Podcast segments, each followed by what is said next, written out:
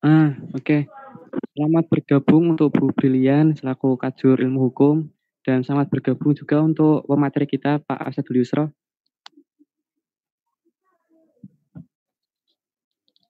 Ya, siap. Ah, mengingat kita udah satu menit lagi, kita akan bisa mulai untuk acaranya. Oke, sebelumnya saya Iqbal Noval Maulana Hakim selaku moderator yang akan membawakan diskusi pada hari ini, pada malam hari ini. Uh, sebelumnya saya akan membacakan beberapa peraturan yang harus kita terapkan untuk beberapa peserta yang di sini, terutama untuk sistem bertanya ya. Mungkin nanti teman-teman semua bisa mengetik di kolom komentar terkait nama, jurusan, dan apa yang ditanyakan. Dan nanti dari moderator saya sendiri akan menunjuk beberapa orang yang akan bertanya dan setelah saya tunjuk nanti bisa untuk menyalakan mikrofonnya. Dan selama proses diskusi ini berlangsung, untuk mikrofon bisa dimatikan terlebih dahulu untuk seluruh peserta yang ada di sini. Kecuali dari Kajur, Pak Yusro, pemateri, dan Pak Isun, Pak Isudin ya. Nanti bisa di-on-kan saja, tidak apa-apa. Dan untuk Mas Fajri nanti bisa untuk menggantikan saya kalau misal ternyata terjadi sinyal yang tidak mendukung gitu ya Pak. Oke, kita sedang menunggu Pak Isudin ini. Oke.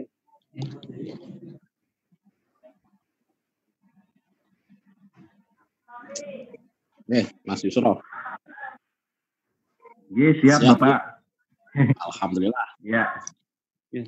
Alhamdulillah, sampun lengkap nih nggih. Uh, langsung saya buka aja nih ya Pak. Ya, Assalamualaikum ya. warahmatullahi wabarakatuh. Waalaikumsalam warahmatullahi wabarakatuh. Ya, Alhamdulillahirrahmanirrahim. Wabihi nasta'in ala mudunya wakin wa ala lisa wasbi ajma'in. Amma ba'du. Uh, yang saya hormati Bapak Ibu selaku Wakil Dekan 3 yang saya hormati Ibu Berlian Ernawati selaku Kepala Jurusan Ilmu Hukum Ibu. Dan yang saya hormati Pak Asadul Yusro selaku pemateri kita pada malam hari ini. Yang saya hormati juga seluruh pengurus, jajaran pengurus himpunan mahasiswa jurusan ilmu hukum. Dan saya banggakan seluruh peserta yang hadir dalam diskusi kita pada malam hari ini. Ya, sebelum kita masuk ke sesi diskusi di sini, kita akan mendengarkan beberapa pertanyaan, akan mendengarkan beberapa sambutan-sambutan yang akan dibawa oleh kepala jurusan kita, Ibu Berlian Enawati dan Bapak Isudin selaku wakil dekan tiga yang akan membuka dan berikan sambutan pada diskusi hari ini. Uh, untuk mempersingkat waktu, waktu saya langsung saya berikan saja untuk Ibu Brilian Ernawati selaku kepala jurusan untuk bisa memberikan sedikit atau untuk kita untuk sambutan Bu. Waktu dan tempat saya persilakan Bu. Monggo Bu. Assalamualaikum warahmatullahi wabarakatuh. Bisa terdengar baik? Bisa terdengar, Mas? Oke. Okay. Ya. Baik. Assalamualaikum warahmatullahi wabarakatuh. Alhamdulillahirabbil alamin. Salatu sobi ajmain ma'bad. Yang terhormat Bapak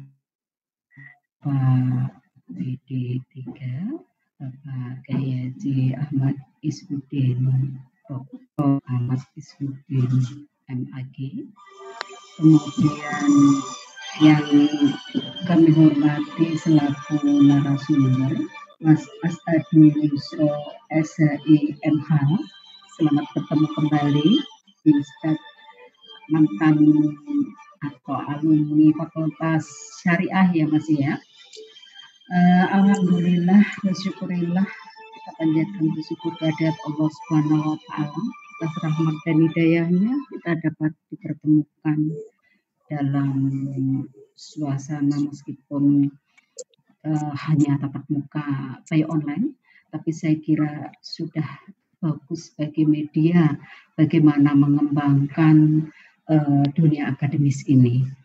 Baik, uh, saya pertama-tama mengucap terima kasih besarnya kepada Bapak Widi Tiga karena sudah bisa hadir kemudian memberikan support kepada khususnya HMJ ilmu hukum uh, yang telah berupaya untuk bisa uh, menumbuhkan atau uh, uh, uh, apa yang menyelenggarakan kegiatan diskusi ini meskipun dalam suasana yang seperti ini uh, jadi tetap atmosfer akademis itu jalan apa pun kendalanya kita tidak bisa menafikan adanya uh, atmosfer akademis atau kita bisa harus meningkatkan kualitas akademis.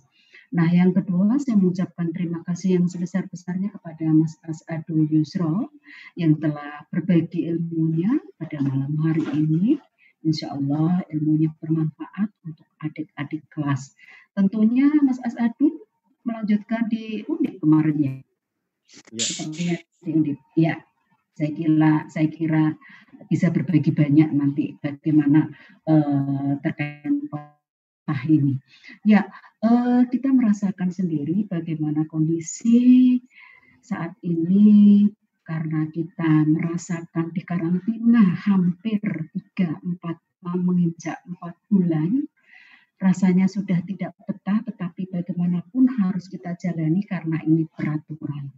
Nah, oleh karena itu eh, yang merasakan tidak hanya kita tetapi bagaimana justru orang-orang di sekeliling kita yang hanya berpikir soal perut bagaimana rasanya itu juga harus dipikirkan. Oleh karena itu rasanya pemerintah juga harus hadir dalam hal ini sebagai figur yang bertanggung jawab selain memang harus ada partisipasi dari masyarakat. Maka peran pemerintah ini diharapkan pada saat ini. Oleh karena itu saya melihat kalau kita lihat di dalam eh, regulasi-regulasi uh, yang berasal dari pusat, kita bagaimana positifnya, mana bagaimana peran pemerintah untuk mengatasi COVID-19 ini, yaitu dengan dikeluarkannya Perpu nomor 1 tahun 2020 tentang kebijakan negara dan stabilitas sistem keuangan untuk penanganan pandemi COVID-19 ini.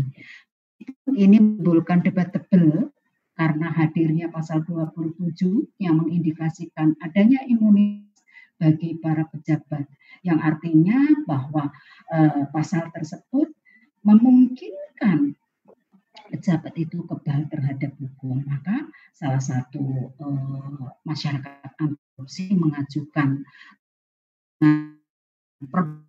bertanya MK. Kemudian saya kira yang kedua peran pemerintah yang secara nasional bagaimana pembebasan narapidana sekitar 30 ribu kebijakan regulasi secara masif untuk menghindari COVID ini. Tetapi ini pun uh, juga debatable karena di sini beriringan dengan pembebasan itu ada wacana untuk merevisi atau meninjau ulang dengan PP 99 tahun 2012 tentang syarat dan tata cara pelaksanaan hak warga negara binaan pemasyarakatan. Nah, ini kira-kira uh, ada dua semacam dua dikotomi begitu, ada minus, ada plusnya. Nah, bagaimana kira-kira uh, dalam diskusi malam ini saya kira uh, uh, melihat peran pemerintah itu sebetulnya sejauh mana. Saya kira tidak hanya dalam tataran nasional, tetapi bagaimana di peraturan-peraturan daerah, bagaimana tentang social distancing, bagaimana tentang peraturan karantina itu saya kira banyak nanti dengan narasumber. Itu Pak WD3 maka kami selaku kajur prodi ilmu hukum Eh, mengucapkan sekali lagi terima kasih atas dukungan waktu pemikiran yang sudah diberikan kepada uh, Bapak WD3 khususnya kepada HMG uh, eh, ilmu hukum ini. Sekaligus dalam hal ini saya selaku kacau juga memohon uh, nanti Bapak WD3 untuk bisa menyambut dan sekaligus membuka cara uh, rembuk ilmu hukum atau diskusi diskusi publik dengan tema pendidikan pemerintah dalam menghadapi 19. Saya kira ini temanya luas dari berbagai aspek. Saya kira ada hukum tata negara, hukum uh, administrasi negara, hukum pidananya bisa, hukum datanya juga bisa. Nah, saya kira itu Pak WD3 yang bisa saya haturkan. Sekali lagi mohon untuk bisa membuka dan menyambut. Terima kasih Mas Mas uh, Ikhwan uh, atas kesempatan yang diberikan kepada kami. Semoga sukses, salam sehat buat semua. Wassalamualaikum warahmatullahi wabarakatuh. Waalaikumsalam. Warahmatullahi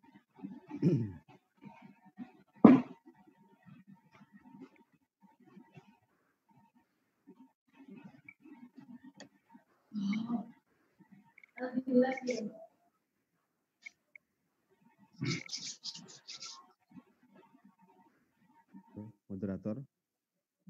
Halo Mas Ivan. Kendala sinyal diganti Mas Fajri aja. Ya, terima kasih.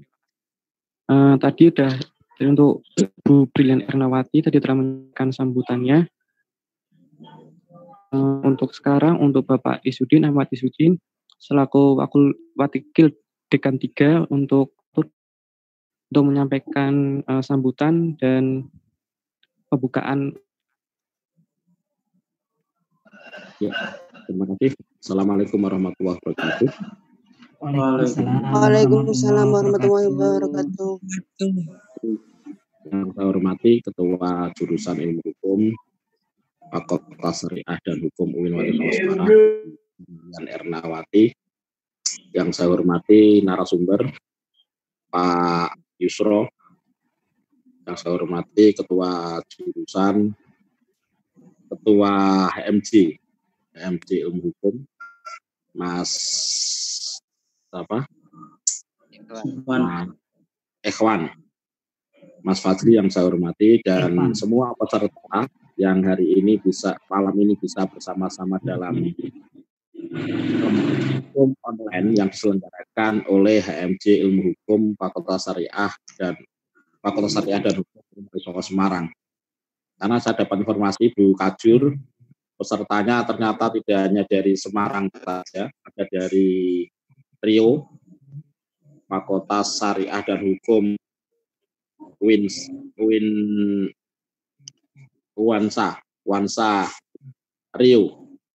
Kemudian dari Maluku juga hadir, Sahwala, dari Maluku juga ada hadir, dari Jogja juga ada hadir, dari Surabaya hadir, sehingga kami bangga sekali.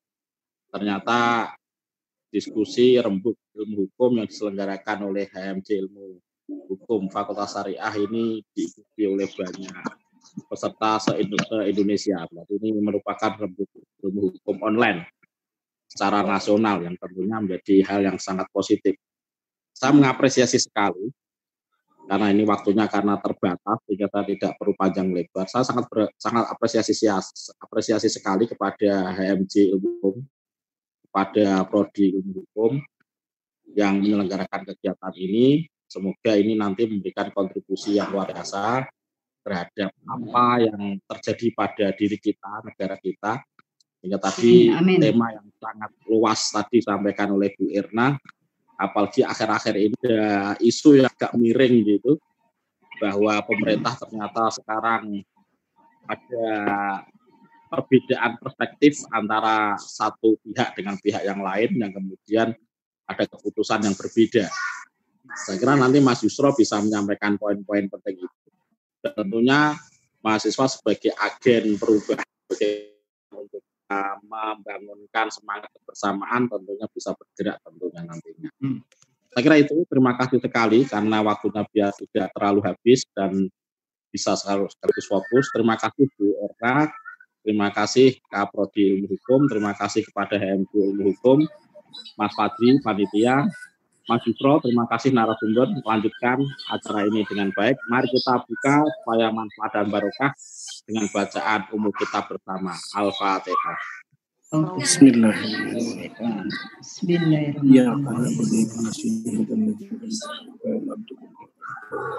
Ya, secara resmi kita buka rembuk hukum ini dan selanjutnya kami serahkan kepada Mas Fadli Asihab sebagai moderator. Asal kalam. Wallahul muwafiq ila Wassalamualaikum warahmatullahi wabarakatuh. Waalaikumsalam Salam warahmatullahi wabarakatuh. Matur wabarakatuh. nuwun Pak Bede.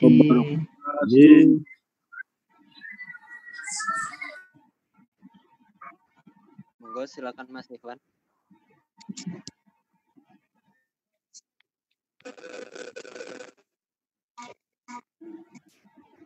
Eh, mungkin dikarenakan sinyal dari Ketua HMJ Ilmu Hukum sendiri masih terganggu, eh, langsung saja mungkin selanjutnya karena sudah dibuka dari Kajur dan dibuka dari Wakil Dekan 3 Fakultas Syariah dan Hukum, monggo dipersilakan, kami persilakan untuk pemateri pada diskusi pada malam ini untuk memaparkan uh, materi pada malam hari ini. Silakan kepada Pak Yusro, waktu dan tempat kami persilakan.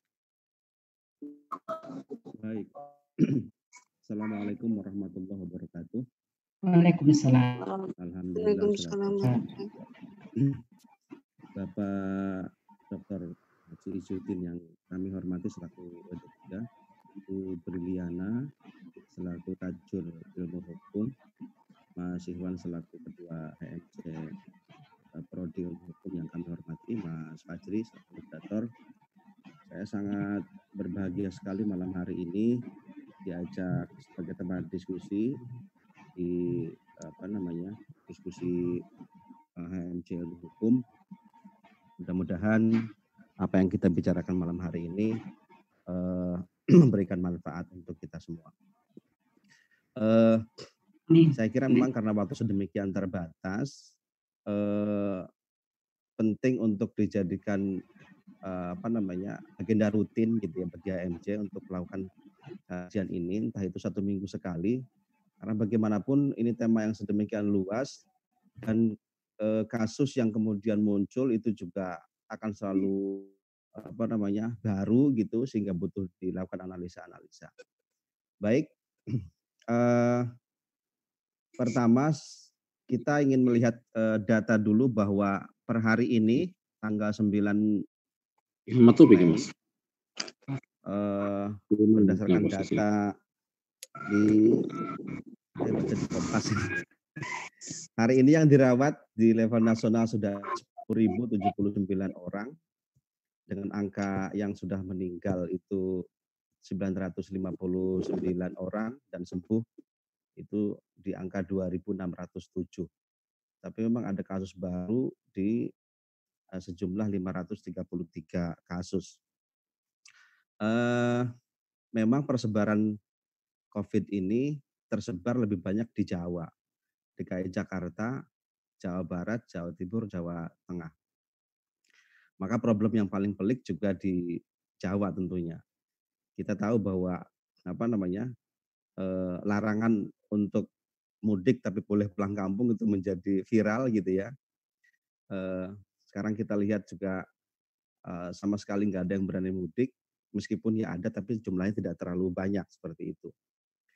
Nah, eh, teman-teman semua, tentu kita melihat bahwa pemerintah saat ini memang nampak betul tidak siap ketika ada wabah yang sedemikian masif seperti COVID-19 saat ini.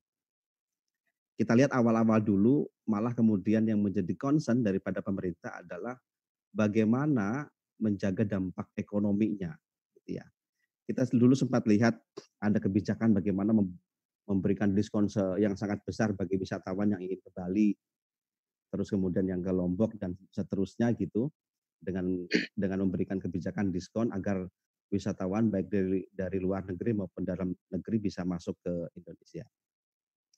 Nah, hal ini tentu yang dilihat adalah bukan berarti bagaimana eh, menjaga warga negara dari wabah virus corona, tetapi yang di- yang ditakutkan oleh pemerintah adalah dampak ekonominya seperti itu.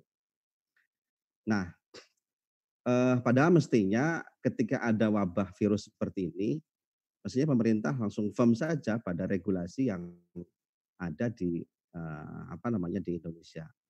Kalau saya mencatat, barangkali nanti bisa teman-teman bisa menambahkan, paling tidak ada beberapa regulasi yang bisa dijadikan bahan bagi teman-teman untuk menganalisa. Pertama adalah Undang-Undang Nomor 4 tahun 9, tahun 1984 tentang wabah penyakit menular. Nah, di situ apa namanya? Eh, pemerintah bertanggung jawab melaksanakan upaya penanggulangan wabah. Langkah-langkah yang perlu dilakukan yaitu pe, di antaranya adalah penyelidikan epidemiologis, pemeriksaan, pengobatan, perawatan, dan isolasi penderita termasuk tindakan karantina, pencegahan dan pengebalan, pemusnahan penyebab, penyebab penyakit, penanganan jenazah akibat wabah, penyuluhan kepada masyarakat. Nah, dari situ saja misalnya bisa kita lihat misalnya satu satu kasus tentang penanganan jenazah gitu ya. Nampak tid, belum iya tadi itu ya belum siap gitu ya. Belum siap. Eh, misalnya ketika penolakan jenazah di beberapa tempat. Itu artinya proses edukasi dari pemerintah kepada masyarakat belum selesai. Seperti itu. Dan apa namanya? perlakuan eh, petugas terhadap jenazah juga dalam beberapa kasus seperti tidak manusiawi gitu ya. Nah, itu kemudian selain Undang-Undang Nomor 4 Tahun 84 juga ada Peraturan Pemerintah Nomor 40 Tahun 91 tentang penanggulangan wabah penyakit menular ini mungkin terusan daripada apa namanya penjabaran daripada Undang-Undang Nomor 4 tahun 84. Nah, ada empat kegiatan dalam PP tersebut. Pertama, pengumpulan data kesakitan ini saya kira sudah sudah dijalankan oleh pemerintah. Kedua adalah pemeriksaan klinis, fisik, laboratorium dan penegakan diagnosis. Yang ketiga adalah pengamatan terhadap penduduk pemeriksaan terhadap makhluk hidup lain dan benda-benda yang ada di situ lain diduga mengandung penyebab penyakit uh, wabah. Nah, oleh karenanya uh, apa namanya prosedur ketat setiap kali ada kegiatan ini memang menjadi bagian daripada pelaksanaan daripada PP ini. Misalnya uh, apa namanya penggunaan hand sanitizer, cuci tangan, kemudian penyemprotan di semua, uh, disinfektan di semua benda-benda uh, baik itu di luar ruangan maupun di dalam uh, ruangan. Seperti itu. Kemudian uh, yang ketiga adalah Peraturan Menteri Kesehatan nomor 1501 tahun 2010 tentang jenis penyakit penular. Nah, Oke, teman-teman. Nah, yang lagi ramai dibicarakan saat ini adalah uh, tentang apa namanya? Uh, apakah dilakukan karantina atau apa? Uh, pembatasan sosial berskala besar, PSBB. Dua-duanya tentu mengacu pada Undang-Undang Nomor 6 Tahun 2018 tentang kekarantinaan kesehatan. Eh, pasal 1 poin 1 Undang-Undang ini menyatakan kekarantinaan kesehatan adalah upaya mencegah dan menangkal keluar atau masuknya penyakit dan garis miring atau faktor eh, apa namanya atau faktor-faktor kesehatan masyarakat yang berpotensi menimbulkan kedaruratan eh, masyarakat gitu ya. Jadi kalau dalam konteks kekarantinaan ini eh, apa namanya masyarakat dibatasi proses keluar masuknya. Tentu karantina ini bisa karantina rumah, karantina wilayah dan seterusnya. Wilayah itu ada dalam poin 10. Pembatasan penduduk dalam satu wilayah termasuk wilayah pintu masuk beserta isinya yang diduga terinfeksi penyakit dan garis miring atau terkontaminasi sedemikian rupa untuk mencegah kemungkinan penyebaran penyakit atau saya mohon maaf akan handphone jadi tidak bisa menampilkan apa namanya uh, slide. Tetapi saya kira ini beberapa poin jadi dicatat saja kemudian menjadi apa namanya menjadi bahan bagi teman-teman untuk menganalisa apakah kemudian Eh, undang-undang itu dilaksanakan ataukah tidak gitu. Kemudian pembatasan sosial berskala besar terdapat pada poin 11. Pembatasan sosial berskala besar itu adalah pembatasan kegiatan tertentu penduduk dan dalam satu wilayah yang diduga terinfeksi penyakit dan garis miring atau terkontaminasi sedemikian rupa untuk mencegah kemungkinan penyebaran penyakit atau kontaminasi. Artinya di sini adalah pembatasan kegiatan gitu ya. Makanya dalam hal ini memang tentu sangat tepat anjuran yang dikeluarkan oleh Majelis Ulama Indonesia, baik oleh Kemenag, oleh ormas-ormas baik NU ataupun Muhammadiyah tentang apa namanya, misalnya meniadakan pelaksanaan sholat e, Jumat, tarawih di daerah-daerah yang memang uh, zona merah. Gitu ya. Tetapi untuk apa namanya di di daerah-daerah yang zona hijau di beberapa daerah masih melaksanakan dengan apa namanya dengan protokol ya protokol yang sangat diperketat di masjid yang apa namanya di rumahan yang tempat saya misalnya sejak awal kami tetap eh, pernah libur jumatan sekali tapi juga apa namanya setelah itu kami laksanakan kembali jumatan dengan prosedur yang sedemikian ketat. Misalnya eh, apa namanya kegiatannya hanya untuk wilayah setempat. Setiap jamaah yang masuk harus cek harus cek suhu harus cuci hanya batasi tidak boleh misalnya itu mas uh, teman-teman ini kita waktunya jam berapa nih? Nanti mengikuti jalannya waktu aja pak sambil uh, materi dipaparkan. Terus nanti semisal dari teman sendiri tetap ingin lanjut untuk saling bertukar informasi atau saling berdiskusi nggak masalah Pak. Paling mentok jam sepuluhan jam setengah sebelas Pak. Oh gitu. Baik. Nah, eh, Indonesia, baik saya lanjutkan ya. Baik. Eh, di Indonesia memang kemudian yang dipilih pembatasan sosial berskala besar. Awal pernah dimulakan bahwa ini harus didampingi dengan apa namanya darurat sipil gitu, darurat sipil. Tetap tidak memenuhi uh, syarat ketika kemudian uh, apa namanya uh, dilakukan uh, uh, darurat sipil seperti itu. Karena darurat sipil itu bisa dilakukan jika ada apa namanya situasi yang misalnya wabah ini tidak bisa diatasi sama sekali dengan cara-cara yang normal di jalur uh, kesehatan, kemudian dilakukan darurat sipil. Ini kan tujuannya adalah agar seluruh warga masyarakat itu kemudian patuh sepatuh-patuhnya terhadap apa pun yang dilakukan oleh uh, pemerintah. Karena darurat sipil ini kan apa namanya terjadi ketika ada peristiwa perang atau misalnya ada uh, pemberontakan berskala uh, besar yang mengacu pada Perpu nomor 23 tahun 1959 eh, tentang keadaan eh, bencana seperti eh tentang keadaan bahaya gitu ya tentang keadaan bahaya ini ditandatangani oleh Presiden eh, Soekarno tentang darurat sipil. Nah di Indonesia kalau kemudian dilakukan darurat sipil justru resikonya adalah tidak adanya partisipasi masyarakat tentang penanganan COVID ini seperti itu. Artinya kalau kemudian itu murni menjadi tanggung jawab uh, militer uh,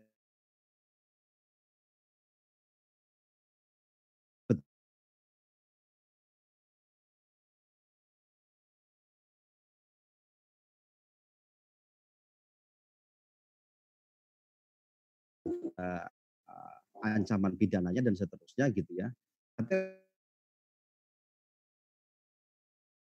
mengatasi uh,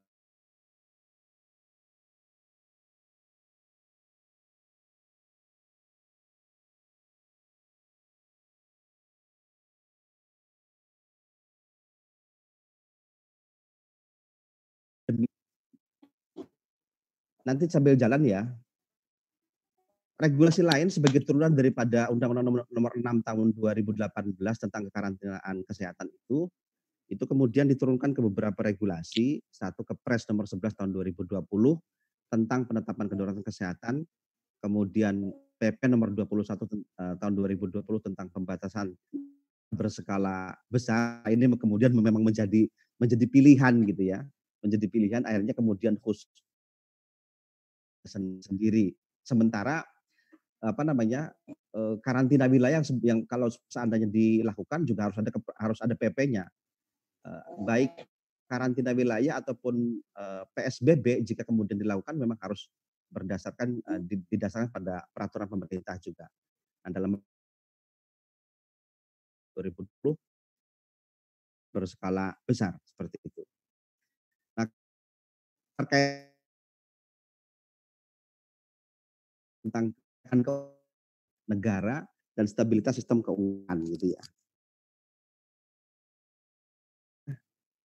Uh, memang sampaikan di awal bahwa pemerintah memang apa sedem hal yang jadi concernnya adalah justru pada persoalan dampak uh, ekonominya gitu ya dampak ekonomi dan terakhir adalah Permenkes 2020 S apa BB PSBB ya PSBB betul tentang pedoman karena itu yang kemudian dipilih. Nah teman-teman yang kami eh, hormati,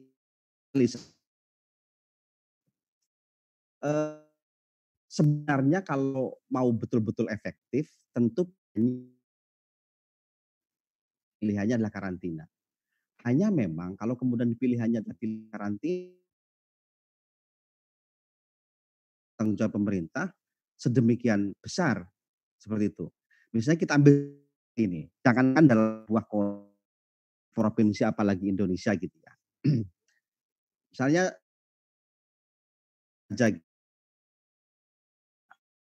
ayah gitu.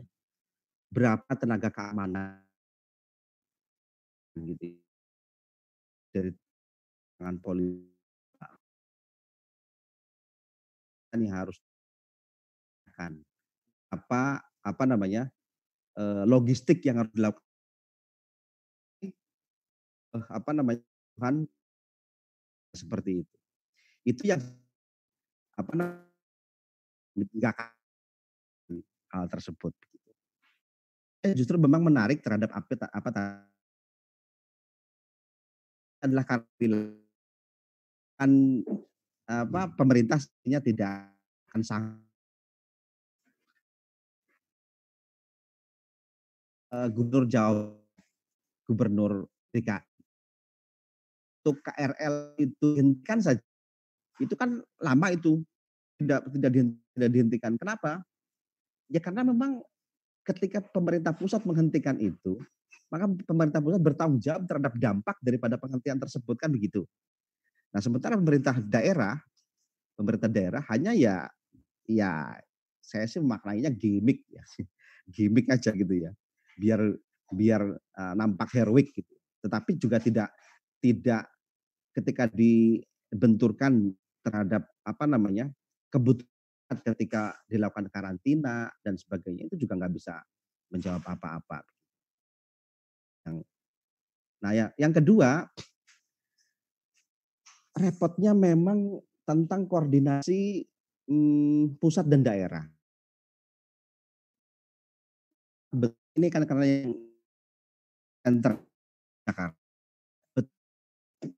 yang ingin dilakukan oleh pemerintah DKI uh, itu tidak sinkron dengan apa yang dilakukan uh, pusat gitu. Jadi nampak berjalan sendiri. Kemudian pemerintah uh, provinsi menyalahkan pemerintah pusat karena beberapa kan beberapa kali Anda sudah sampaikan bahwa kami sudah Eh, mengusulkan untuk melakukan A, B, C, D, tapi merespon dan seterusnya seperti itu. Jadi kemudian yang muncul adalah kayak pencitraan, gitu, pencitraan. Siapa yang dianggap pro terhadap eh, COVID ini dan siapa yang kemudian uh, tidak. Gitu. Tetapi tidak kemudian duduk bersama, pembagian tugas apa yang dilakukan oleh pusat dan harus dilakukan oleh pemerintah daerah. Khususnya misalnya pemerintah provinsi di DKI Eh, Jakarta seperti itu. Nah, memang sebenarnya kalau kita lihat jelas apa namanya uh, hukum administrasi ada namanya apa domain domain sentral ya ada domain domain sentral adalah pertahanan keamanan kemudian ada yang namanya agama hukum itu kan itu kewenangannya pemerintah pusat kebijakan tersebut gitu. Tetapi terhadap yang lain misalnya kayak pendidikan, kesehatan itu kan menjadi eh, apa namanya kewenangan yang memang di desentralistik di menjadi kewenangan pemerintah daerah juga. Artinya sebenarnya karena ini eh, kasusnya adalah kasus kesehatan, kasus kesehatan yang paling utama apa namanya harus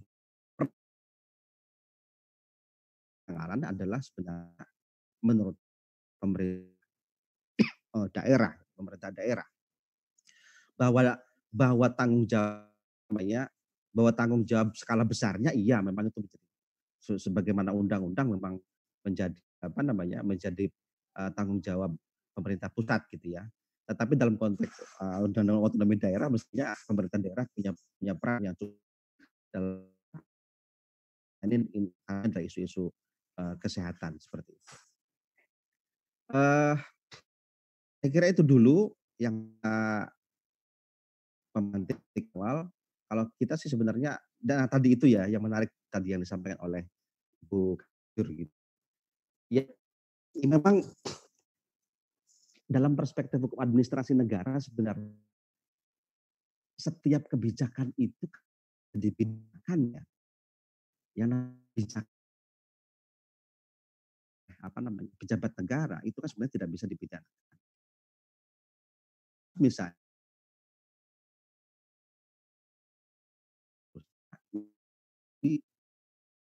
ya kena. Kita ambil contoh misalnya Siti Fadila Supri. Fadila Supri ke bencana tsunami. Ya. Salah ya kan tidak salah. Beliau akan tunjukkan langsung terhadap pengadaan kesehatan tersebut. Kan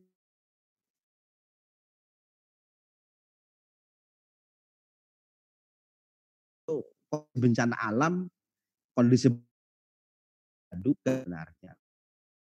Nah, oleh karena itu mungkin itu yang menyebabkan negara punya regulasi khusus untuk melindungi pejabat negara ketika mengambil sebuah kebijakan dalam konteks pandemik ini, dalam konteks pandemik ini. Saya kira begitu. Untuk pihak tentang, regulasi tersebut. Itu saya kira yang bisa kami sampaikan. Mohon maaf jika apa yang disampaikan kurang begitu uh, mendalam. Terima kasih.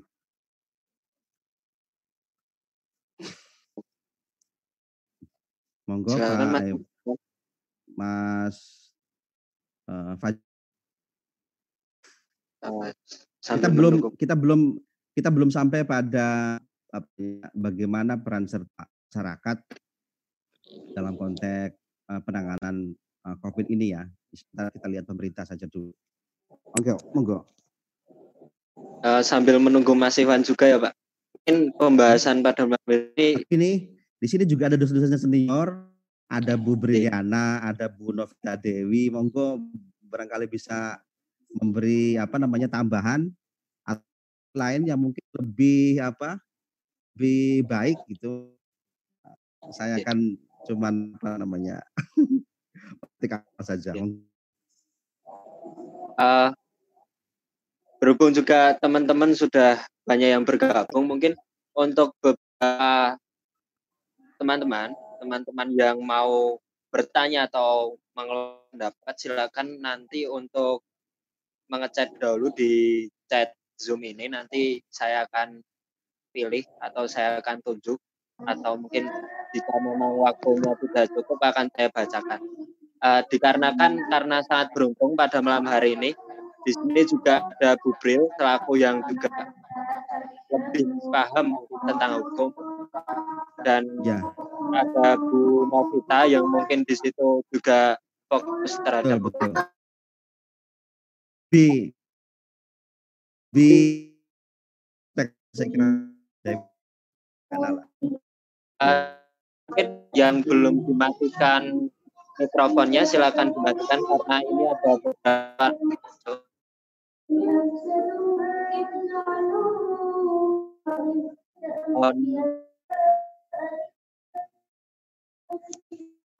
mohon maaf yang suaranya masuk silakan dimatikan dahulu. Mungkin uh, karena memang konsep dari diskusi pada malam hari ini lebih ke diskusi santai dan ternyata keberuntungan kita pada malam hari ini ada beberapa yang beberapa dosen ilmu hukum yang juga fokus terhadap hukum mungkin dari pihak kita sebagai mahasiswa juga ingin meminta pendapat. Yang pertama kepada Bu Bril selaku kajur hukum yang uh, juga fokus terhadap hukum pidana. Mungkin dari perspektif Ibu sendiri itu bagaimana Bu untuk uh, kondisi sekarang?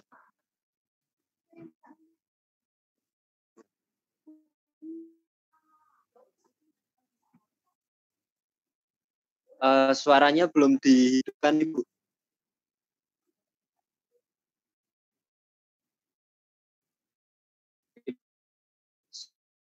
dihidupkan.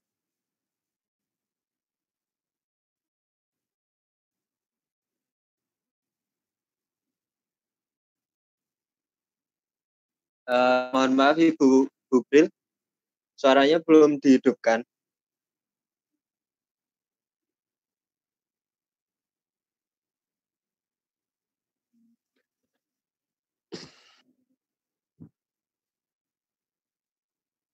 Mohon maaf, uh, tolong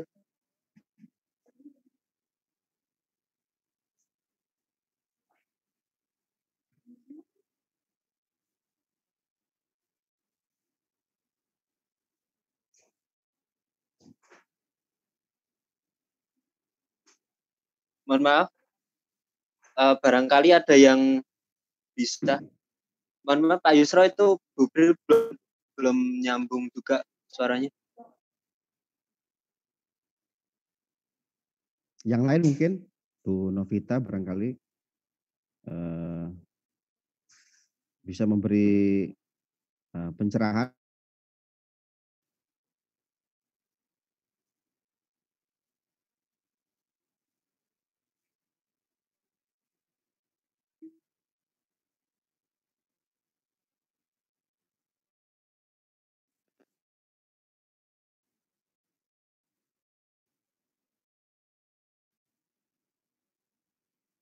um,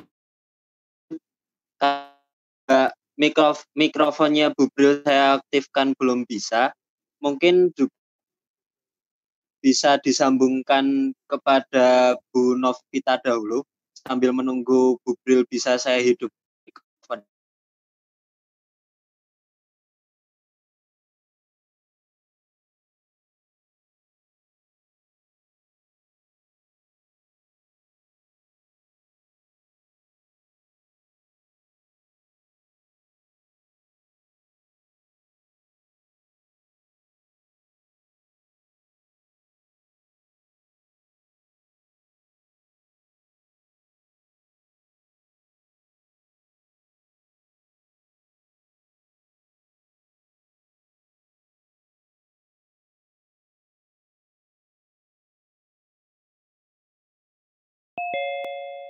saya uh, masih mungkin ini juga saya berusaha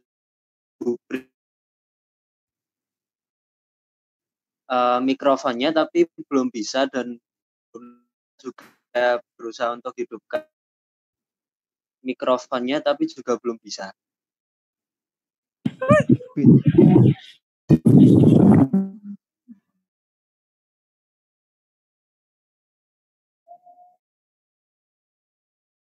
Halo? Uh, bukan maksud saya untuk tidak menghidupkan, namun ini saya, saya hidupkan belum bisa. Mohon maaf ini.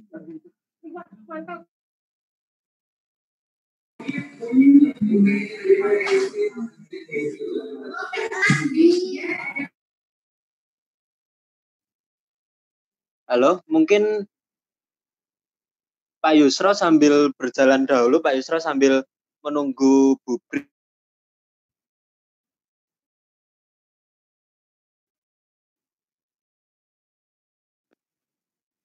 Oh, Assalamualaikum Bu Novita. Waalaikumsalam. Suara saya bisa didengar? Bisa Bu, sekarang bisa. Oh, baik.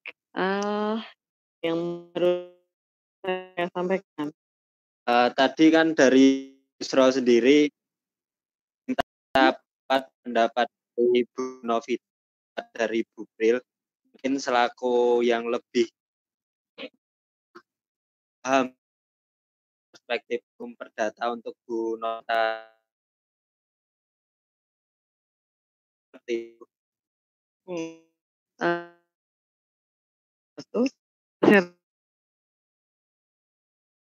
Saya kan cuma sebagai tamu kan uh, senang dari teman HMJ dari Yusro gitu. Jadi saya uh, terus terang yang saya persiapkan adalah telinga saya mendengar gitu. Tapi kalau minta untuk menyempatkan uh, uh, diskusi maupun seminar uh, bagaimanapun pemerintah terkait berapa regulasi yang sudah dikeluarkan sebagai bentuk pemerintah untuk menangani uh, pandemi COVID ini gitu. Walaupun mungkin ada kesan di beberapa uh, lapis masyarakat uh, agak terlambat dan seterusnya, penuh kontroversi dan sebagainya, namun sebenarnya uh, ada langkah-langkah konkret yang sudah dilakukan oleh pemerintah. Karena ini kan terkait dengan bagaimana peran pemerintah. Namun memang kita juga uh, sebagai akademisi uh, memang di terutama di bidang hukum ya diminta memang kita harus uh, cukup kritis gitu karena ini berkaitan dengan hajat hidup orang banyak.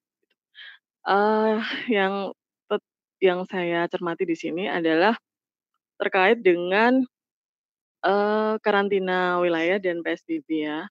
Jadi sebenarnya uh, karena ini yang dijadikan sebagai uh, pijakan adalah Permenkes terkait dengan pemberlakuan PSBB, maka di sini memang menjadi kewenangan dan tupoksi dari pemerintah daerah. Dalam hal ini adalah pemerintah kota dan kabupaten untuk uh, sekiranya daerahnya cukup rawan dan memiliki potensi untuk penyebaran wabah, maka dapat dimintakan untuk uh, dilakukan PSBB uh, melalui izin dari pemerintah pusat dalam hal ini dalam hal ini adalah Kementerian kesehatan gitu. Jadi otomatis jadi prerogatif untuk mengatur kayak Semarang misalnya di Semarang sendiri sudah berlaku PSBB 14 hari dan kemudian diperpanjang dengan sistem jogo-tonggo karena memang tiap-tiap daerah itu memiliki karakteristik yang tidak sama gitu.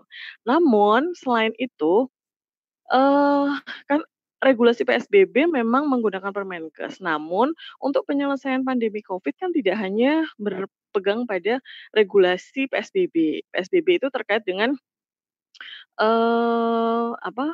pembatasan wilayah agar penyebaran Covid tidak dikendalikan. Namun untuk terkait dampak dari Covid itu sendiri terhadap kegiatan dan aktivitas ekonomi serta dampak eh, dampak domino yang diakibatkannya pandemi Covid ini tentu saja membutuhkan yang lebih kuat. Maka kemudian pemerintah melalui presiden mengeluarkan peraturan pemerintah sebenarnya, namun memiliki derajat yang lebih tinggi dari peraturan pemerintah biasa, karena di sini kedudukannya sebagai pengganti undang-undang. Karena tidak mungkin dilakukan proses legislasi dalam waktu singkat untuk membuat undang-undang gitu.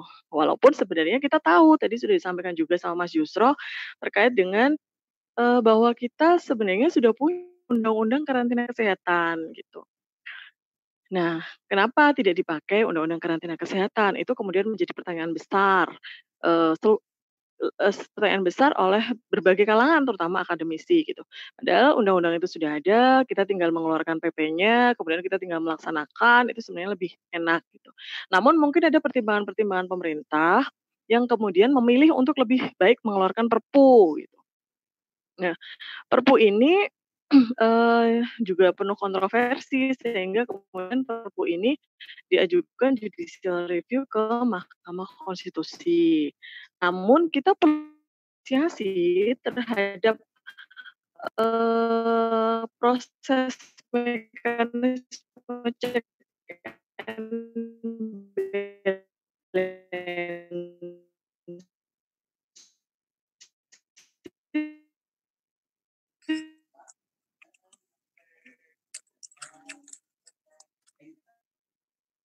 yang dilakukan oleh pemerintah rakyat di dalamnya ada potensi delik uh, kemungkinan KSKK dan uh,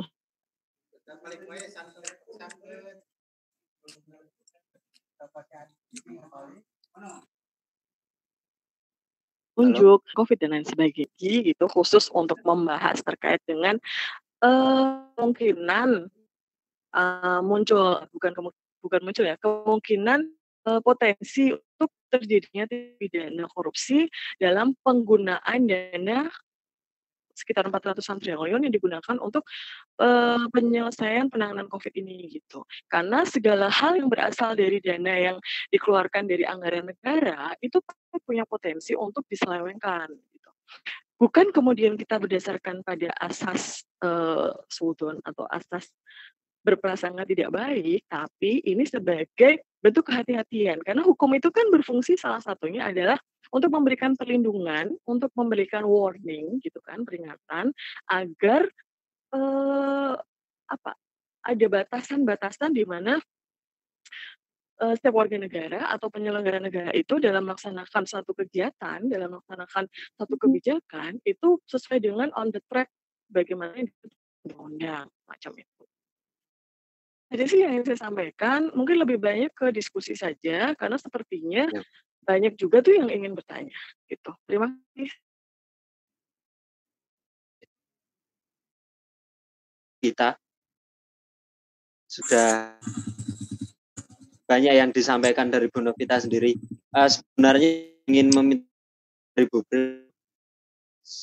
sepertinya uh, saya selaku host untuk menghidupkan diri tidak bisa. Uh, jadi untuk mempersingkat waktu silakan mungkin dari teman-teman yang ingin menyampaikan pendapat atau ingin menyampaikan pertanyaan silakan chat dahulu supaya nanti kita bisa memilih untuk mengaktifkan mikrofon satu-satu. Untuk pada malam hari ini mungkin diskusinya lebih saya lebih ke uh, rembuk urun rembuk di mana sistemnya nggak seperti kuliah. Jadi jangan terlalu takut gitu mungkin untuk bergumul seperti itu. Uh, kepada teman-teman silakan siapa saja yang uh, ingin menyampaikan pendapatnya atau ingin menyampaikan pertanyaannya silakan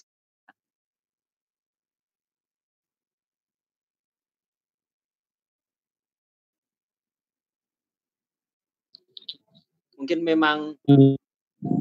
Halo. Halo, ya. Assalamualaikum warahmatullahi wabarakatuh. Waalaikumsalam Uh, ya sebelumnya uh, saya minta maaf.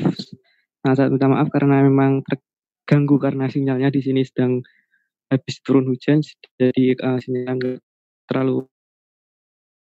Uh, ya, jadi begini bu, jadi begini ya untuk uh, diskusi kali uh, kita udah ada beberapa yang kita tentukan yang tadi seperti yang sudah dikatakan Bu Novita bahwa kalau kita ya tidak bisa untuk mengatakan bahwa pemerintah itu salah. Kita bisa untuk menyalahkan untuk pemerintah. Nah, mungkin untuk seluruh mahasiswa yang ada di sini mungkin bisa uh, mendapatkan sebuah suatu pengetahuan terkait mengenai hak dan kewajiban pemerintah sebenarnya dalam menghadapi ataupun dalam membuat suatu kebijakan. Mungkin ini bisa ditanggapi dari uh, Pak Yusra ataupun Bu Novita nanti bisa untuk menanggapi terkait hak dan kewajiban pemerintah dalam meng, dalam menghadapi kebijakan dalam menghadapi pandemi seperti ini, Bu. Mungkin terkait dengan kebijakan.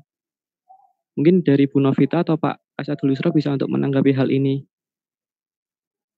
Uh, namun ini Pak Yusra malah mungkin hmm. sinyal sinyalnya juga agak bermasalah.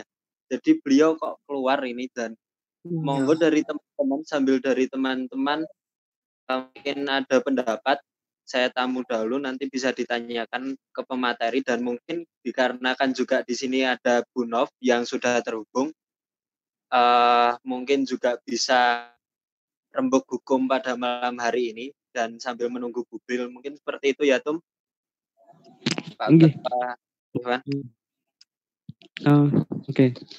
ya uh, jadi begini uh, tadi kan oke okay untuk mungkin ini karena Pak Yusro sedang mungkin jaringan. Uh, jadi begini untuk mungkin kita lanjut ke Bu Novita aja kali ya. ya mungkin sudah saya untuk kita berikan ilmu untuk kita semua mungkin ya Bu.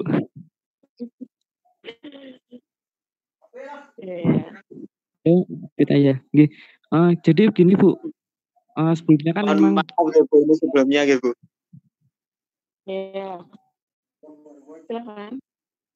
Memang Iya, Bu. kendala Jadi kan di di sumber kendala pertama memang di sinyal sih Bu. Komunikasi. Oke. Ya, mungkin bisa saya lanjut dulu di sini. Mungkin Silakan. Bu Novita di sini bisa memberikan pemahaman bagi kita semua ya Bu, pemahaman dasar bagi kita semua sebelum kita untuk mengkritisi mengenai kebijakan yang ada dari pemerintahan.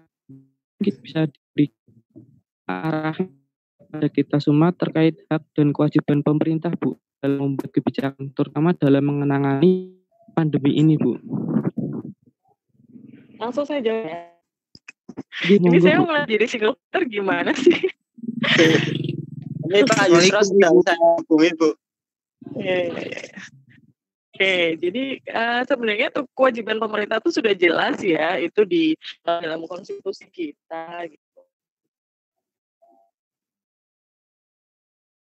Eh, Presiden itu apa apalagi yang ada di dalam eh, preambel ya yang di situ kedudukannya adalah lebih tinggi daripada batang tubuh itu sendiri gitu yaitu melindungi seluruh bangsa Indonesia gitu itu lebih tinggi dari dari konstitusi itu sendiri gitu jadi otomatis eh, negara wajib hadir dalam kondisi keterancaman yang dialami oleh setiap warga negara gitu. Di sini karena presiden adalah sebagai kepala negara sekaligus sebagai kepala pemerintahan gitu. Jadi otomatis eh, hak-hak prerogatif yang diberikan oleh konstitusi kepada presiden itu ada beberapa gitu. Di antaranya ketika dalam kondisi genting dan memaksa presiden memang diperbolehkan atau diberikan hak untuk eh, mengeluarkan perpu gitu. Nah, melindungi segenap bangsa Indonesia itu eh, dalam perspektif eh, presiden sebagai kepala negara ketika mengambil sebuah kebijakan gitu. Eh, seperti misalnya pernah waktu itu ada wacana mau dilakukan darurat mi- militer gitu.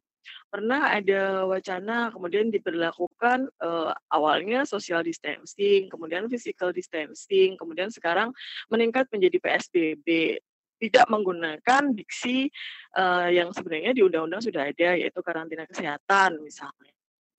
Ini juga terus terang saya sebagai seorang dosen, seorang akademisi mempertanyakan, sampai mempertanyakan gitu, kenapa tidak karantina kesehatan, lebih memilih menggunakan istilah PSBB gitu. Namun kemudian setelah saya baca Permenkesnya gitu, eh, sebenarnya ya tidak ada bedanya dengan karantina kesehatan gitu. Cuman eh, hak-hak kewajibannya yang kemudian berbeda gitu. Itu. Kemudian eh, karena mungkin di sini presiden memiliki pertimbangan tertentu terkait dengan kondisi keuangan negara. Nah, eh, sama lah seperti kejadian sekarang, misalnya kemarin yang lagi viral ABK ABK Indonesia ya, yang kemudian mayatnya dibuang dan sebagainya. Walaupun itu di daerah teritorial eh, Korea, namun bagaimanapun itu adalah warga negara Indonesia yang secara konstitusi kewajiban negara untuk memberikan perlindungan terhadap warga negaranya gitu. Nah, sebenarnya eh, kalau kita kemarin saya berkali-kali mengkritisi pasal pasal 27 Perpu nomor 1 tahun 2020 itu ya. Karena di pasal 27 itu eh, segala kegiatan yang dilakukan oleh pemerintah atau KSKK dalam hal penanganan COVID dan penggunaan anggaran negara itu tidak bisa dikategorikan sebagai eh sebagai perbuatan yang merugikan. Nah, itu yang pertama. Kemudian di ayat 2-nya dikatakan tidak dapat dipidana maaf, tidak dapat dituntut secara pidana dan secara perdata. Dan di ayat tiganya dikatakan bahwa semua kebijakan yang diambil oleh pemerintah itu tidak bisa dijadikan sebagai objek dalam eh, sengketa tata usaha negara atau diajukan sebagai objek eh, tun gitu. Nah, kemudian eh, banyak pihak yang kemudian mengatakan ini adalah semacam adanya imunitas yang dilakukan oleh pemerintah. Nah, kalau saya melihat begini, eh kita itu kan sebenarnya masyarakat yang sangat apa ya masyarakat yang sebenarnya sangat heterogen namun juga memiliki pola dan karakteristik yang sangat kekeluargaan kegotong royongan kemudian sangat uh, half sangat guyup gitu ya paguyuban gitu kita itu. Di mana kita tuh sebenarnya satu sama lain dengan tetangga itu sudah kayak keluarga sendiri dengan uh, apa teman udah kayak keluarga sendiri. Jadi ketika keluarga kita atau tetangga kita merasa kekurangan atau terdampak karena atau terdampak secara ekonomi pasti dengan sendirinya kita juga akan memberikan bantuan. Nah, swadaya swadaya semacam ini memang sangat bagus untuk digerakkan. Namun itu bukan berarti kemudian mengeliminir tugas dan tanggung jawab pemerintah yang harus hadir dalam memberikan perlindungan terhadap warganya gitu. Uh, kemudian uh, apa dana yang dikeluarkan untuk kegiatan penanganan pandemi itu juga kan uh, cukup besar ya, lebih dari 400-an triliun. Itu uh, memang sebenarnya pokok persoalannya adalah di pandemi COVID-nya ini kan, gitu loh. Jadi ketika pandeminya ini bisa kita stop, gitu, kemudian siklusnya bisa menurun, angkanya bisa uh, mengarah ke nol gitu, maka kemudian secara tidak langsung dampak yang diakibatkannya pun juga akan berkurang gitu dampaknya gitu. Nah, ketika kita sekarang dalam kondisi seperti ini saja misalnya uh, semakin lama semakin meningkat. Terakhir tadi saya lihat berita itu ada penambahan sekitar 500-an positif hmm. COVID gitu. Berarti itu angka yang masih sangat besar menurut saya, bahkan belum berada pada angka yang landing gitu. Masih masih uh, naik gitu. Itu sudah ada kebijakan dari pemerintah untuk membuka moda transportasi dan uh, pemberitaan yang tadi saya lihat juga di Soekarno Hatta sudah ditemukan ada 40 yang positif uh, diduga dia uh, PDP gitu. Nah ini kan cukup riskan ya buat kita gitu. Uh, apalagi kayak saya gitu uh, yang sudah dua bulan di rumah gitu, kemudian tetangga-tetangga kiri kanan dan sebagainya yang kemudian tidak bekerja dan juga banyak hal-hal yang menurut saya bukan buk, apa, bukan hal yang sederhana ya, karena ini berkaitan dengan masalah perut. Kalau saya tanya dengan para pedagang, kemudian para buruh yang kemudian mengalami PHK atau dirumahkan, mereka bilangnya gini, pemerintah mengatakan bahwa saya nggak boleh keluar demi nyawa saya. Gitu. Tapi saya juga harus keluar demi nyawa saya dan keluarga karena kami harus makan gitu. Nah ini kan uh, hal yang sebenarnya di Undang-Undang Karantina Kesehatan sudah dijamin oleh negara gitu ketika dilakukan karantina kesehatan. Nah, namun sampai saat ini kayaknya masih banyak juga yang kemudian distribusinya itu belum sampai ke tangan. Bahkan ada yang uh, datanya invalid, yang sudah meninggal malah dapat jatah, yang kekurangan malah tidak. Saya sendiri di sini juga bertanya dengan Pak RT yang harusnya yang dapat sekian, yang datang cuma sekian misalnya, hal-hal yang semacam itu. Akhirnya kami bergerak sendiri gitu secara swadaya untuk membuat lumbung RT gitu. Kami di sini membuat lumbung, lumbung RT dalam arti bahwa kita punya pasokan yang sekiranya nanti ketika wabah ini berkepanjangan itu bisa dibuat untuk membantu tetangga kita. Namun tentu saja semua ini kan harus ada strategi yang memang harus diusung oleh pemerintah gitu. Strateginya harusnya seperti apa gitu. Makanya ketika pembelajaran itu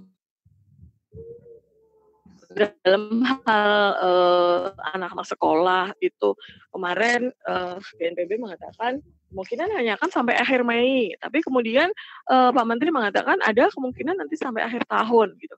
Nah, ini kan uh, kita jadi bertanya-tanya sebenarnya strategi pemerintah dalam uh, bulan pertama, bulan kedua, bulan ketiga itu seperti apa gitu untuk menyelesaikan pandemi ini karena memang dalam kondisi yang seperti ini itu negara wajib hadir untuk memberikan perlindungan kepada uh, warga negaranya. Kebijakan-kebijakannya harus kebijakan-kebijakan yang berpihak untuk pertama menyelesaikan pandeminya, memutus pandeminya agar pandemi ini menjadi nol gitu. Yang kedua adalah dampak ekonominya, itu menurut saya. Gitu mas? Oke pak. Uh.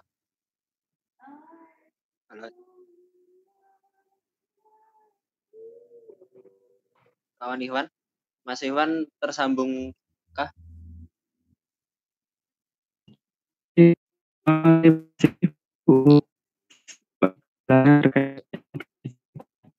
Pak Yusro Ya, itu Pak Yusro udah masuk, Pak. Pak mungkin juga Mungkin ya, eh, karena sinyalnya Mas Ikhwan mungkin masih masih bermasalah. Eh, barusan suaranya putus-putus, Mas. Saya bantu di sini. Monggo silakan Pak Yusro eh, juga melanjutkan apa tadi yang sudah disampaikan dan barusan juga ada penyampaian dari Bu Nov. Dan sekali lagi dari teman-teman silakan ini karena memang konsep-konsep diskusi jadi tidak lebih kaku daripada kuliah mungkin ya Bu Pak. Jadi iya. silakan eh, kawan-kawan silakan dipersilakan sekali untuk anggapi ataupun bertanya karena saya juga yakin betul sebenarnya teman-teman juga banyak pertanyaan karena memang eh, mereka juga merasakan gitu mungkin gitu Pak. Dua bulan ini berada di rumah dan mereka juga kebingungan mungkin. Banyak teman-teman yang tidak dapat uang jajan juga mungkin ya Bu dan Pak. Iya. monggo silakan Pak Yusro eh, melanjutkan penyampaiannya yang tadi mungkin seperti itu. Ya, baik. Terima kasih. Mohon maaf tadi putus sendiri. Mungkin eh, apa pengaruh sinyal. Terima kasih Bu Novita yang telah yang tadi memberikan beberapa penguatan dan pengayaan eh, apa namanya terkait dengan regulasi yang ada. Satu hal lagi yang ingin kami sampaikan adalah ini kan kita berbarengan dengan sebenarnya musim pilkada. Meskipun pilkada mungkin diundur sampai bulan Desember, tapi prosesnya sampai sekarang sudah mulai terasa. Nah, eh, misalnya kayak Kota Semarang gitu ya, beberapa kali eh, sebulan yang lalu kan itu kan menggunakan dana APBD Kota Semarang, tapi kemudian ada menampilkan gambar. Memang sebenarnya gitu gambar wali kota dan wakil wali kota. Sebenarnya gitu ya. Tetapi itu kemudian di, dimaknai sebagai ada ada nuansa uh, kampanye. Saya kira eh, apa hal-hal seperti ini harus menjadi concern daripada teman-teman mahasiswa untuk memantau tadi betul apa yang disampaikan oleh Bu Novita, apakah bantuan yang ada itu tepat sasaran atau tidak. Ya, itu kan bisa dilihat di data di masing-masing RT RW apakah betul-betul tepat sasaran data itu ataukah jangan-jangan data itu hanya comotan di uh, orang-orang yang dekatnya RT, dekatnya RW atau dekat- dekatnya lurah gitu ya. Artinya ya, data yang, yang disampaikan itu apa namanya bantuan itu pilih kasih. Karena memang bantuan itu ada yang dari pemerintah pusat, ada yang dari pemerintah provinsi, dari pemerintah kabupaten. Nah, pemerintah kabupaten kalau kota- tadi kasus kota Semarang itu bentuknya kayak kota Semarang itu pembagian sembako. Nah, ada memang beberapa data yang apa namanya eh, tumpuk, gitu, apa namanya double gitu ya.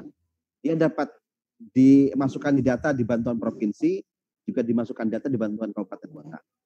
Itu yang, yang harus dilihat. Apakah apa namanya ada data yang double atau tidak? Saya kira teman-teman mahasiswa jika kemudian jika kemudian pengen melakukan eh, apa namanya eh, apa istilahnya eh, apa namanya monitoring lah gitu ya itu saya kira menarik juga tentang bantuan-bantuan yang- diberikan oleh pemerintah apa- apakah tepat sasaran atau tidak. Yang kedua ada nuansa politis atau tidak di bantuan tersebut terutama bagi daerah-daerah yang sedang melaksanakan pilkada. Seperti itu. Biasanya incumbent akan melakukan melakukan memanfaatkan situasi ini dalam rangka me- melakukan eh, kampanye. Itu juga hal yang eh, menarik. Nah yang ketiga memang tadi eh, peran serta masyarakat ya peran serta masyarakat eh kita memang- patut, bersyukur bahwa dalam konteks pandemi ah, COVID ini memang tidak ada semacam kayak misalnya kayak pro kontra gitu. Bayangkan kalau kemudian suhu perdebatan masalah agama misalnya tentang pro kontra sholat jumatan itu kan nggak begitu kita dengar meskipun meskipun ada yang melaksanakan ada yang tidak tapi perdebatan soal hukumnya tidak begitu kita dengar rata-rata masyarakat dari dari apa namanya dari dari banyak eh, apa golongan gitu ya itu satu sikap dalam menyikapi ini eh, dalam dalam dalam kasus ini gitu ya tidak ada yang kemudian perdebatan terlalu serius yang menjadi eh, apa namanya yang tidak produktif seperti itu Artinya dalam konteks isu-isu agama dalam COVID ini relatif tidak ada. Ini yang yang saya kira juga harus harus kita syukuri. Nah, memang peran serta masyarakat dalam konteks ini menjadi sangat penting gini. Menjelang lebaran ini gitu ya, menjelang lebaran ini. Justru kerawanannya ada pada misalnya sektor keamanan. Karena orang semakin lama semakin apa namanya untuk makan susah, pekerjaan tidak ada, akhirnya kan kemudian apa eh, dia akan melakukan sesuatu ya tindakan kriminal tentunya, gitu ya, pencurian dan seterusnya. Yang kedua tadi yang disampaikan oleh Brilian di awal, eh, misalnya narapidana yang, dile, yang dilepaskan dengan sekian banyak. Kemarin saya tanya di gedung panek saja yang dilepaskan itu ratusan kok yang, di, yang dilepaskan itu. Seperti itu. Nah itu kak, apakah tidak akan menimbulkan kerawanan baru? Tentu akan menimbulkan kerawanan-kerawanan baru di masyarakat. Nah peran serta masyarakat dalam konteks menjaga keamanan lingkungan, dalam konteks menjaga kesehatan, perputaran apa namanya penjagaan tentang keluar masuknya orang dan seterusnya itu menjadi sangat penting untuk mencegah uh, apa namanya kalau kita menyerahkan penanganan ini pada pemerintah saja yakinlah itu tidak mungkin bisa tanpa peran serta masyarakat ya tidak uh, bisa. Itu dan keamanan dan uh, apa namanya uh, uh, kesehatan di, di masa itu saya kira terutama menjelang menjelang Idul Fitri ini sangat sangat penting. Oh, perdebatan soal taraweh saja apa dilaksanakan atau tidak, ya ada yang melaksanakan ada yang tidak gitu. Termasuk nanti Idul Fitri itu ada yang melaksanakan ada yang tidak gitu.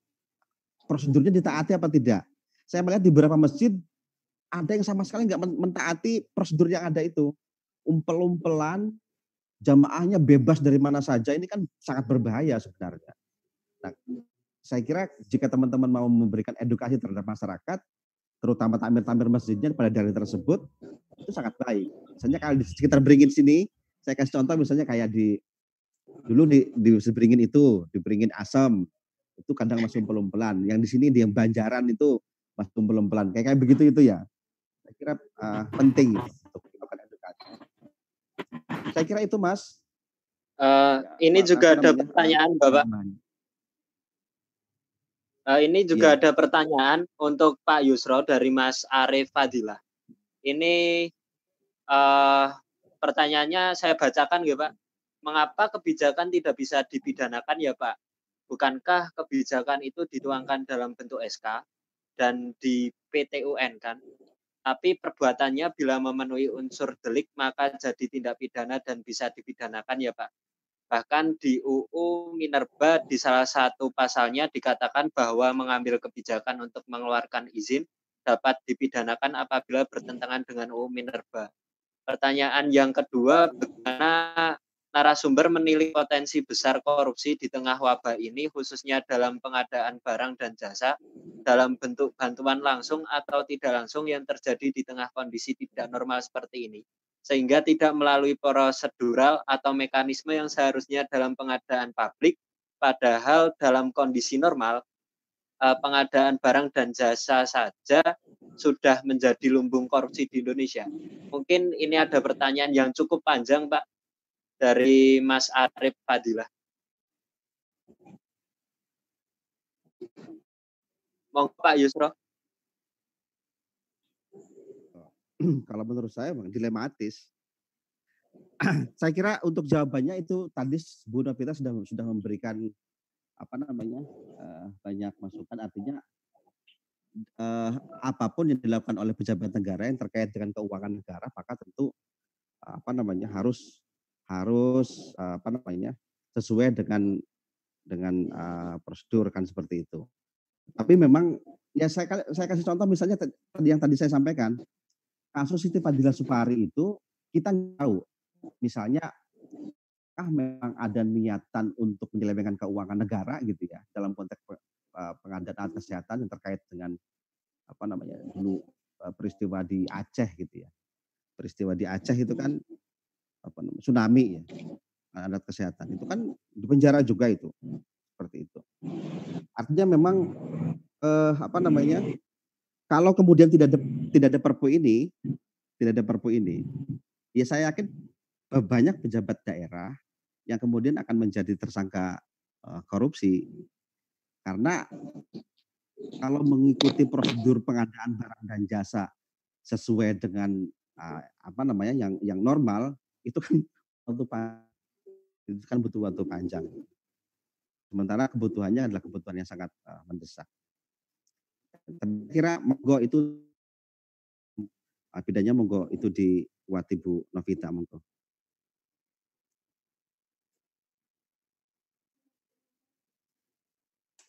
Ya, mas. Saya saya bisa sampai jam 10 aja, Mas. Saya sudah Oke, ditunggu. Pak. Oke. Oh, berarti memang tinggal 10 menit lagi.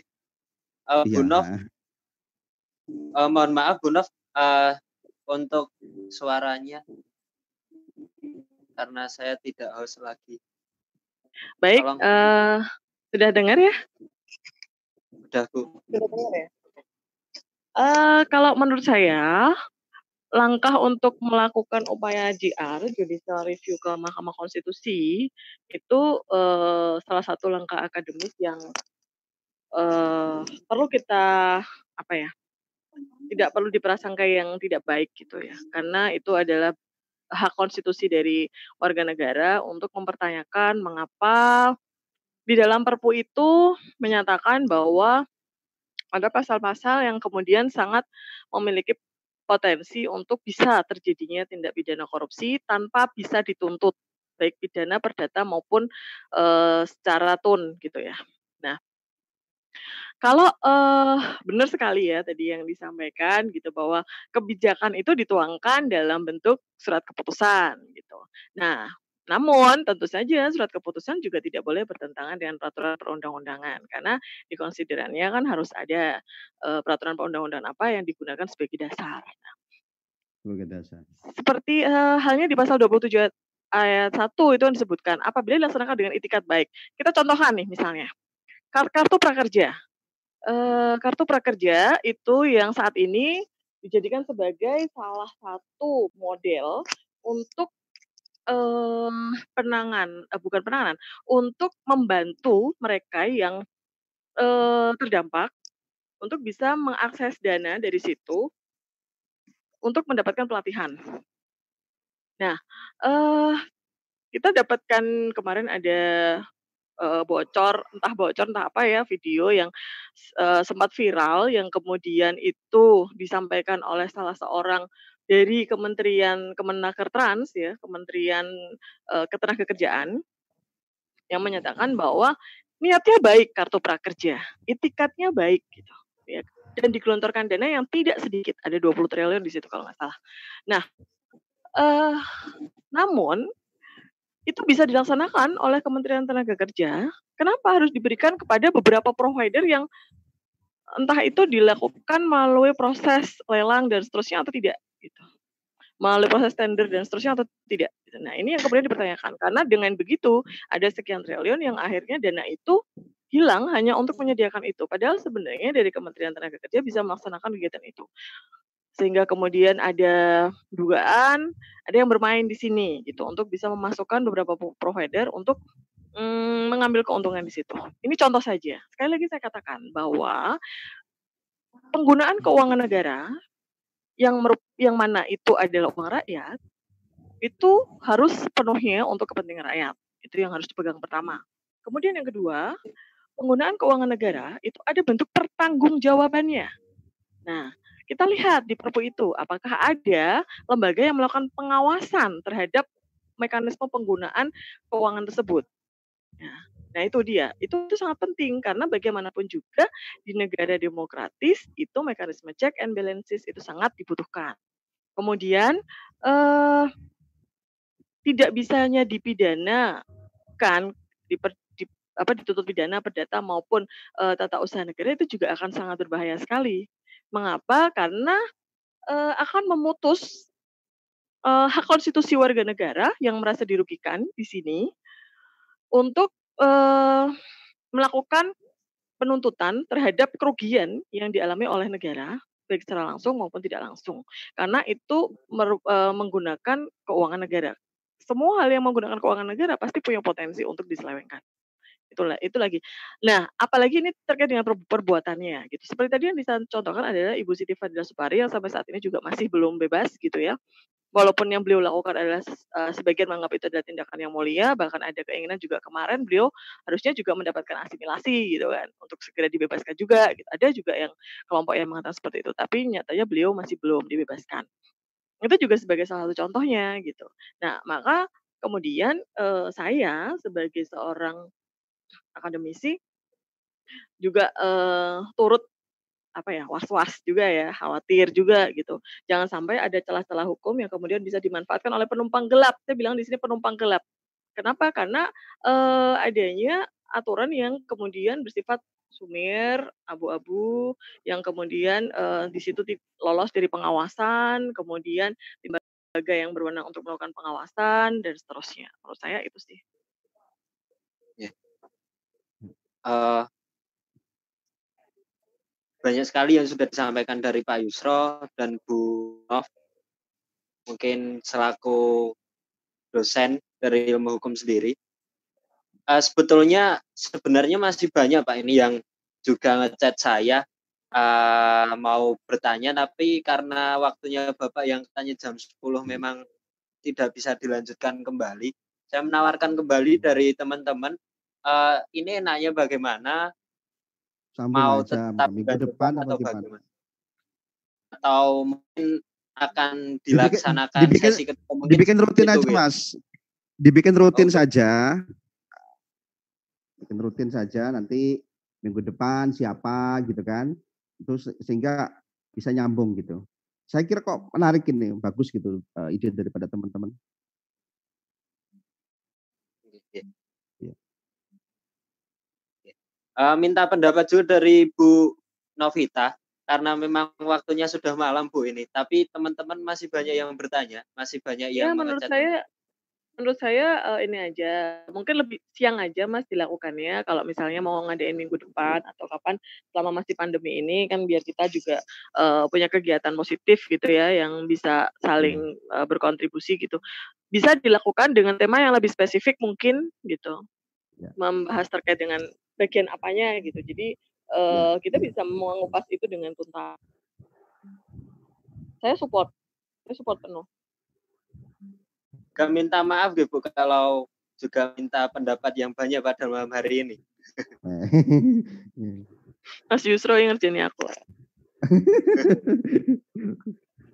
Tapi Ge, satu keberuntungan mahasiswa pada malam hari ini karena juga mendapatkan ilmu yang banyak dari eh, dosen-dosen ilmu hukum, tapi juga sayang sekali karena Bu Bril belum bisa bergabung. Saya berusaha untuk menekan mikrofonnya juga belum bisa Bapak Ibu ini.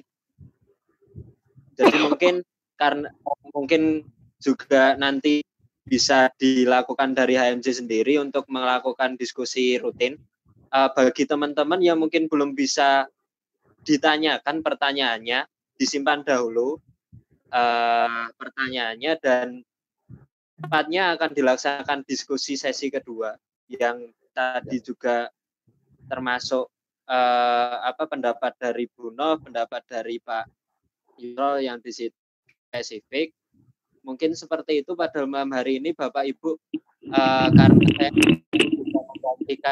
Ikhwan karena sinyalnya Mas Ikhwan Agus dan paling utama itu sinyal Bapak Ibu agak susah untuk hubungan ini untuk diskusi yang lebih kondusif. Mungkin agak susah tapi ya, memang sudah menjadi kewajiban untuk tidak meninggalkan suatu kegiatan yang bermanfaat. Mungkin seperti itu. Uh, kurang lebihnya mungkin pada malam hari ini kita cukupkan terdahulu karena memang diskusi perdana. Jadi masih banyak kekurangan yang kita laksanakan pada malam hari ini. Kurang lebihnya saya meminta maaf Bapak Ibu dan teman-teman yang sudah bergabung pada malam hari ini. Kesimpulan yang paling utama yaitu ada di pikiran kita masing-masing karena saya juga belum bisa menyimpulkan karena masih luas. Mungkin bisa kita lanjutkan pada diskusi selanjutnya. Mungkin seperti itu Bapak Ibu. Uh, uh, mungkin ada kata-kata terakhir dari Bu Nov dan dari Pak Yusro mungkin Saya cukup, Mas. Oke.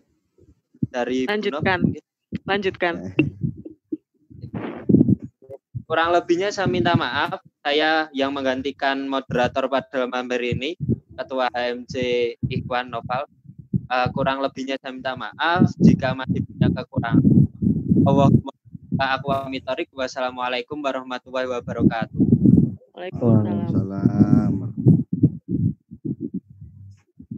Mungkin untuk minggu depan bisa mengikuti kembali dari teman-teman sekalian. Oh, terima kasih juga untuk Bu Kajur HKI yang sudah meluangkan waktu untuk mengikuti. Ya, Mas. Terima kasih. Corona, mungkin saya dalam Bu.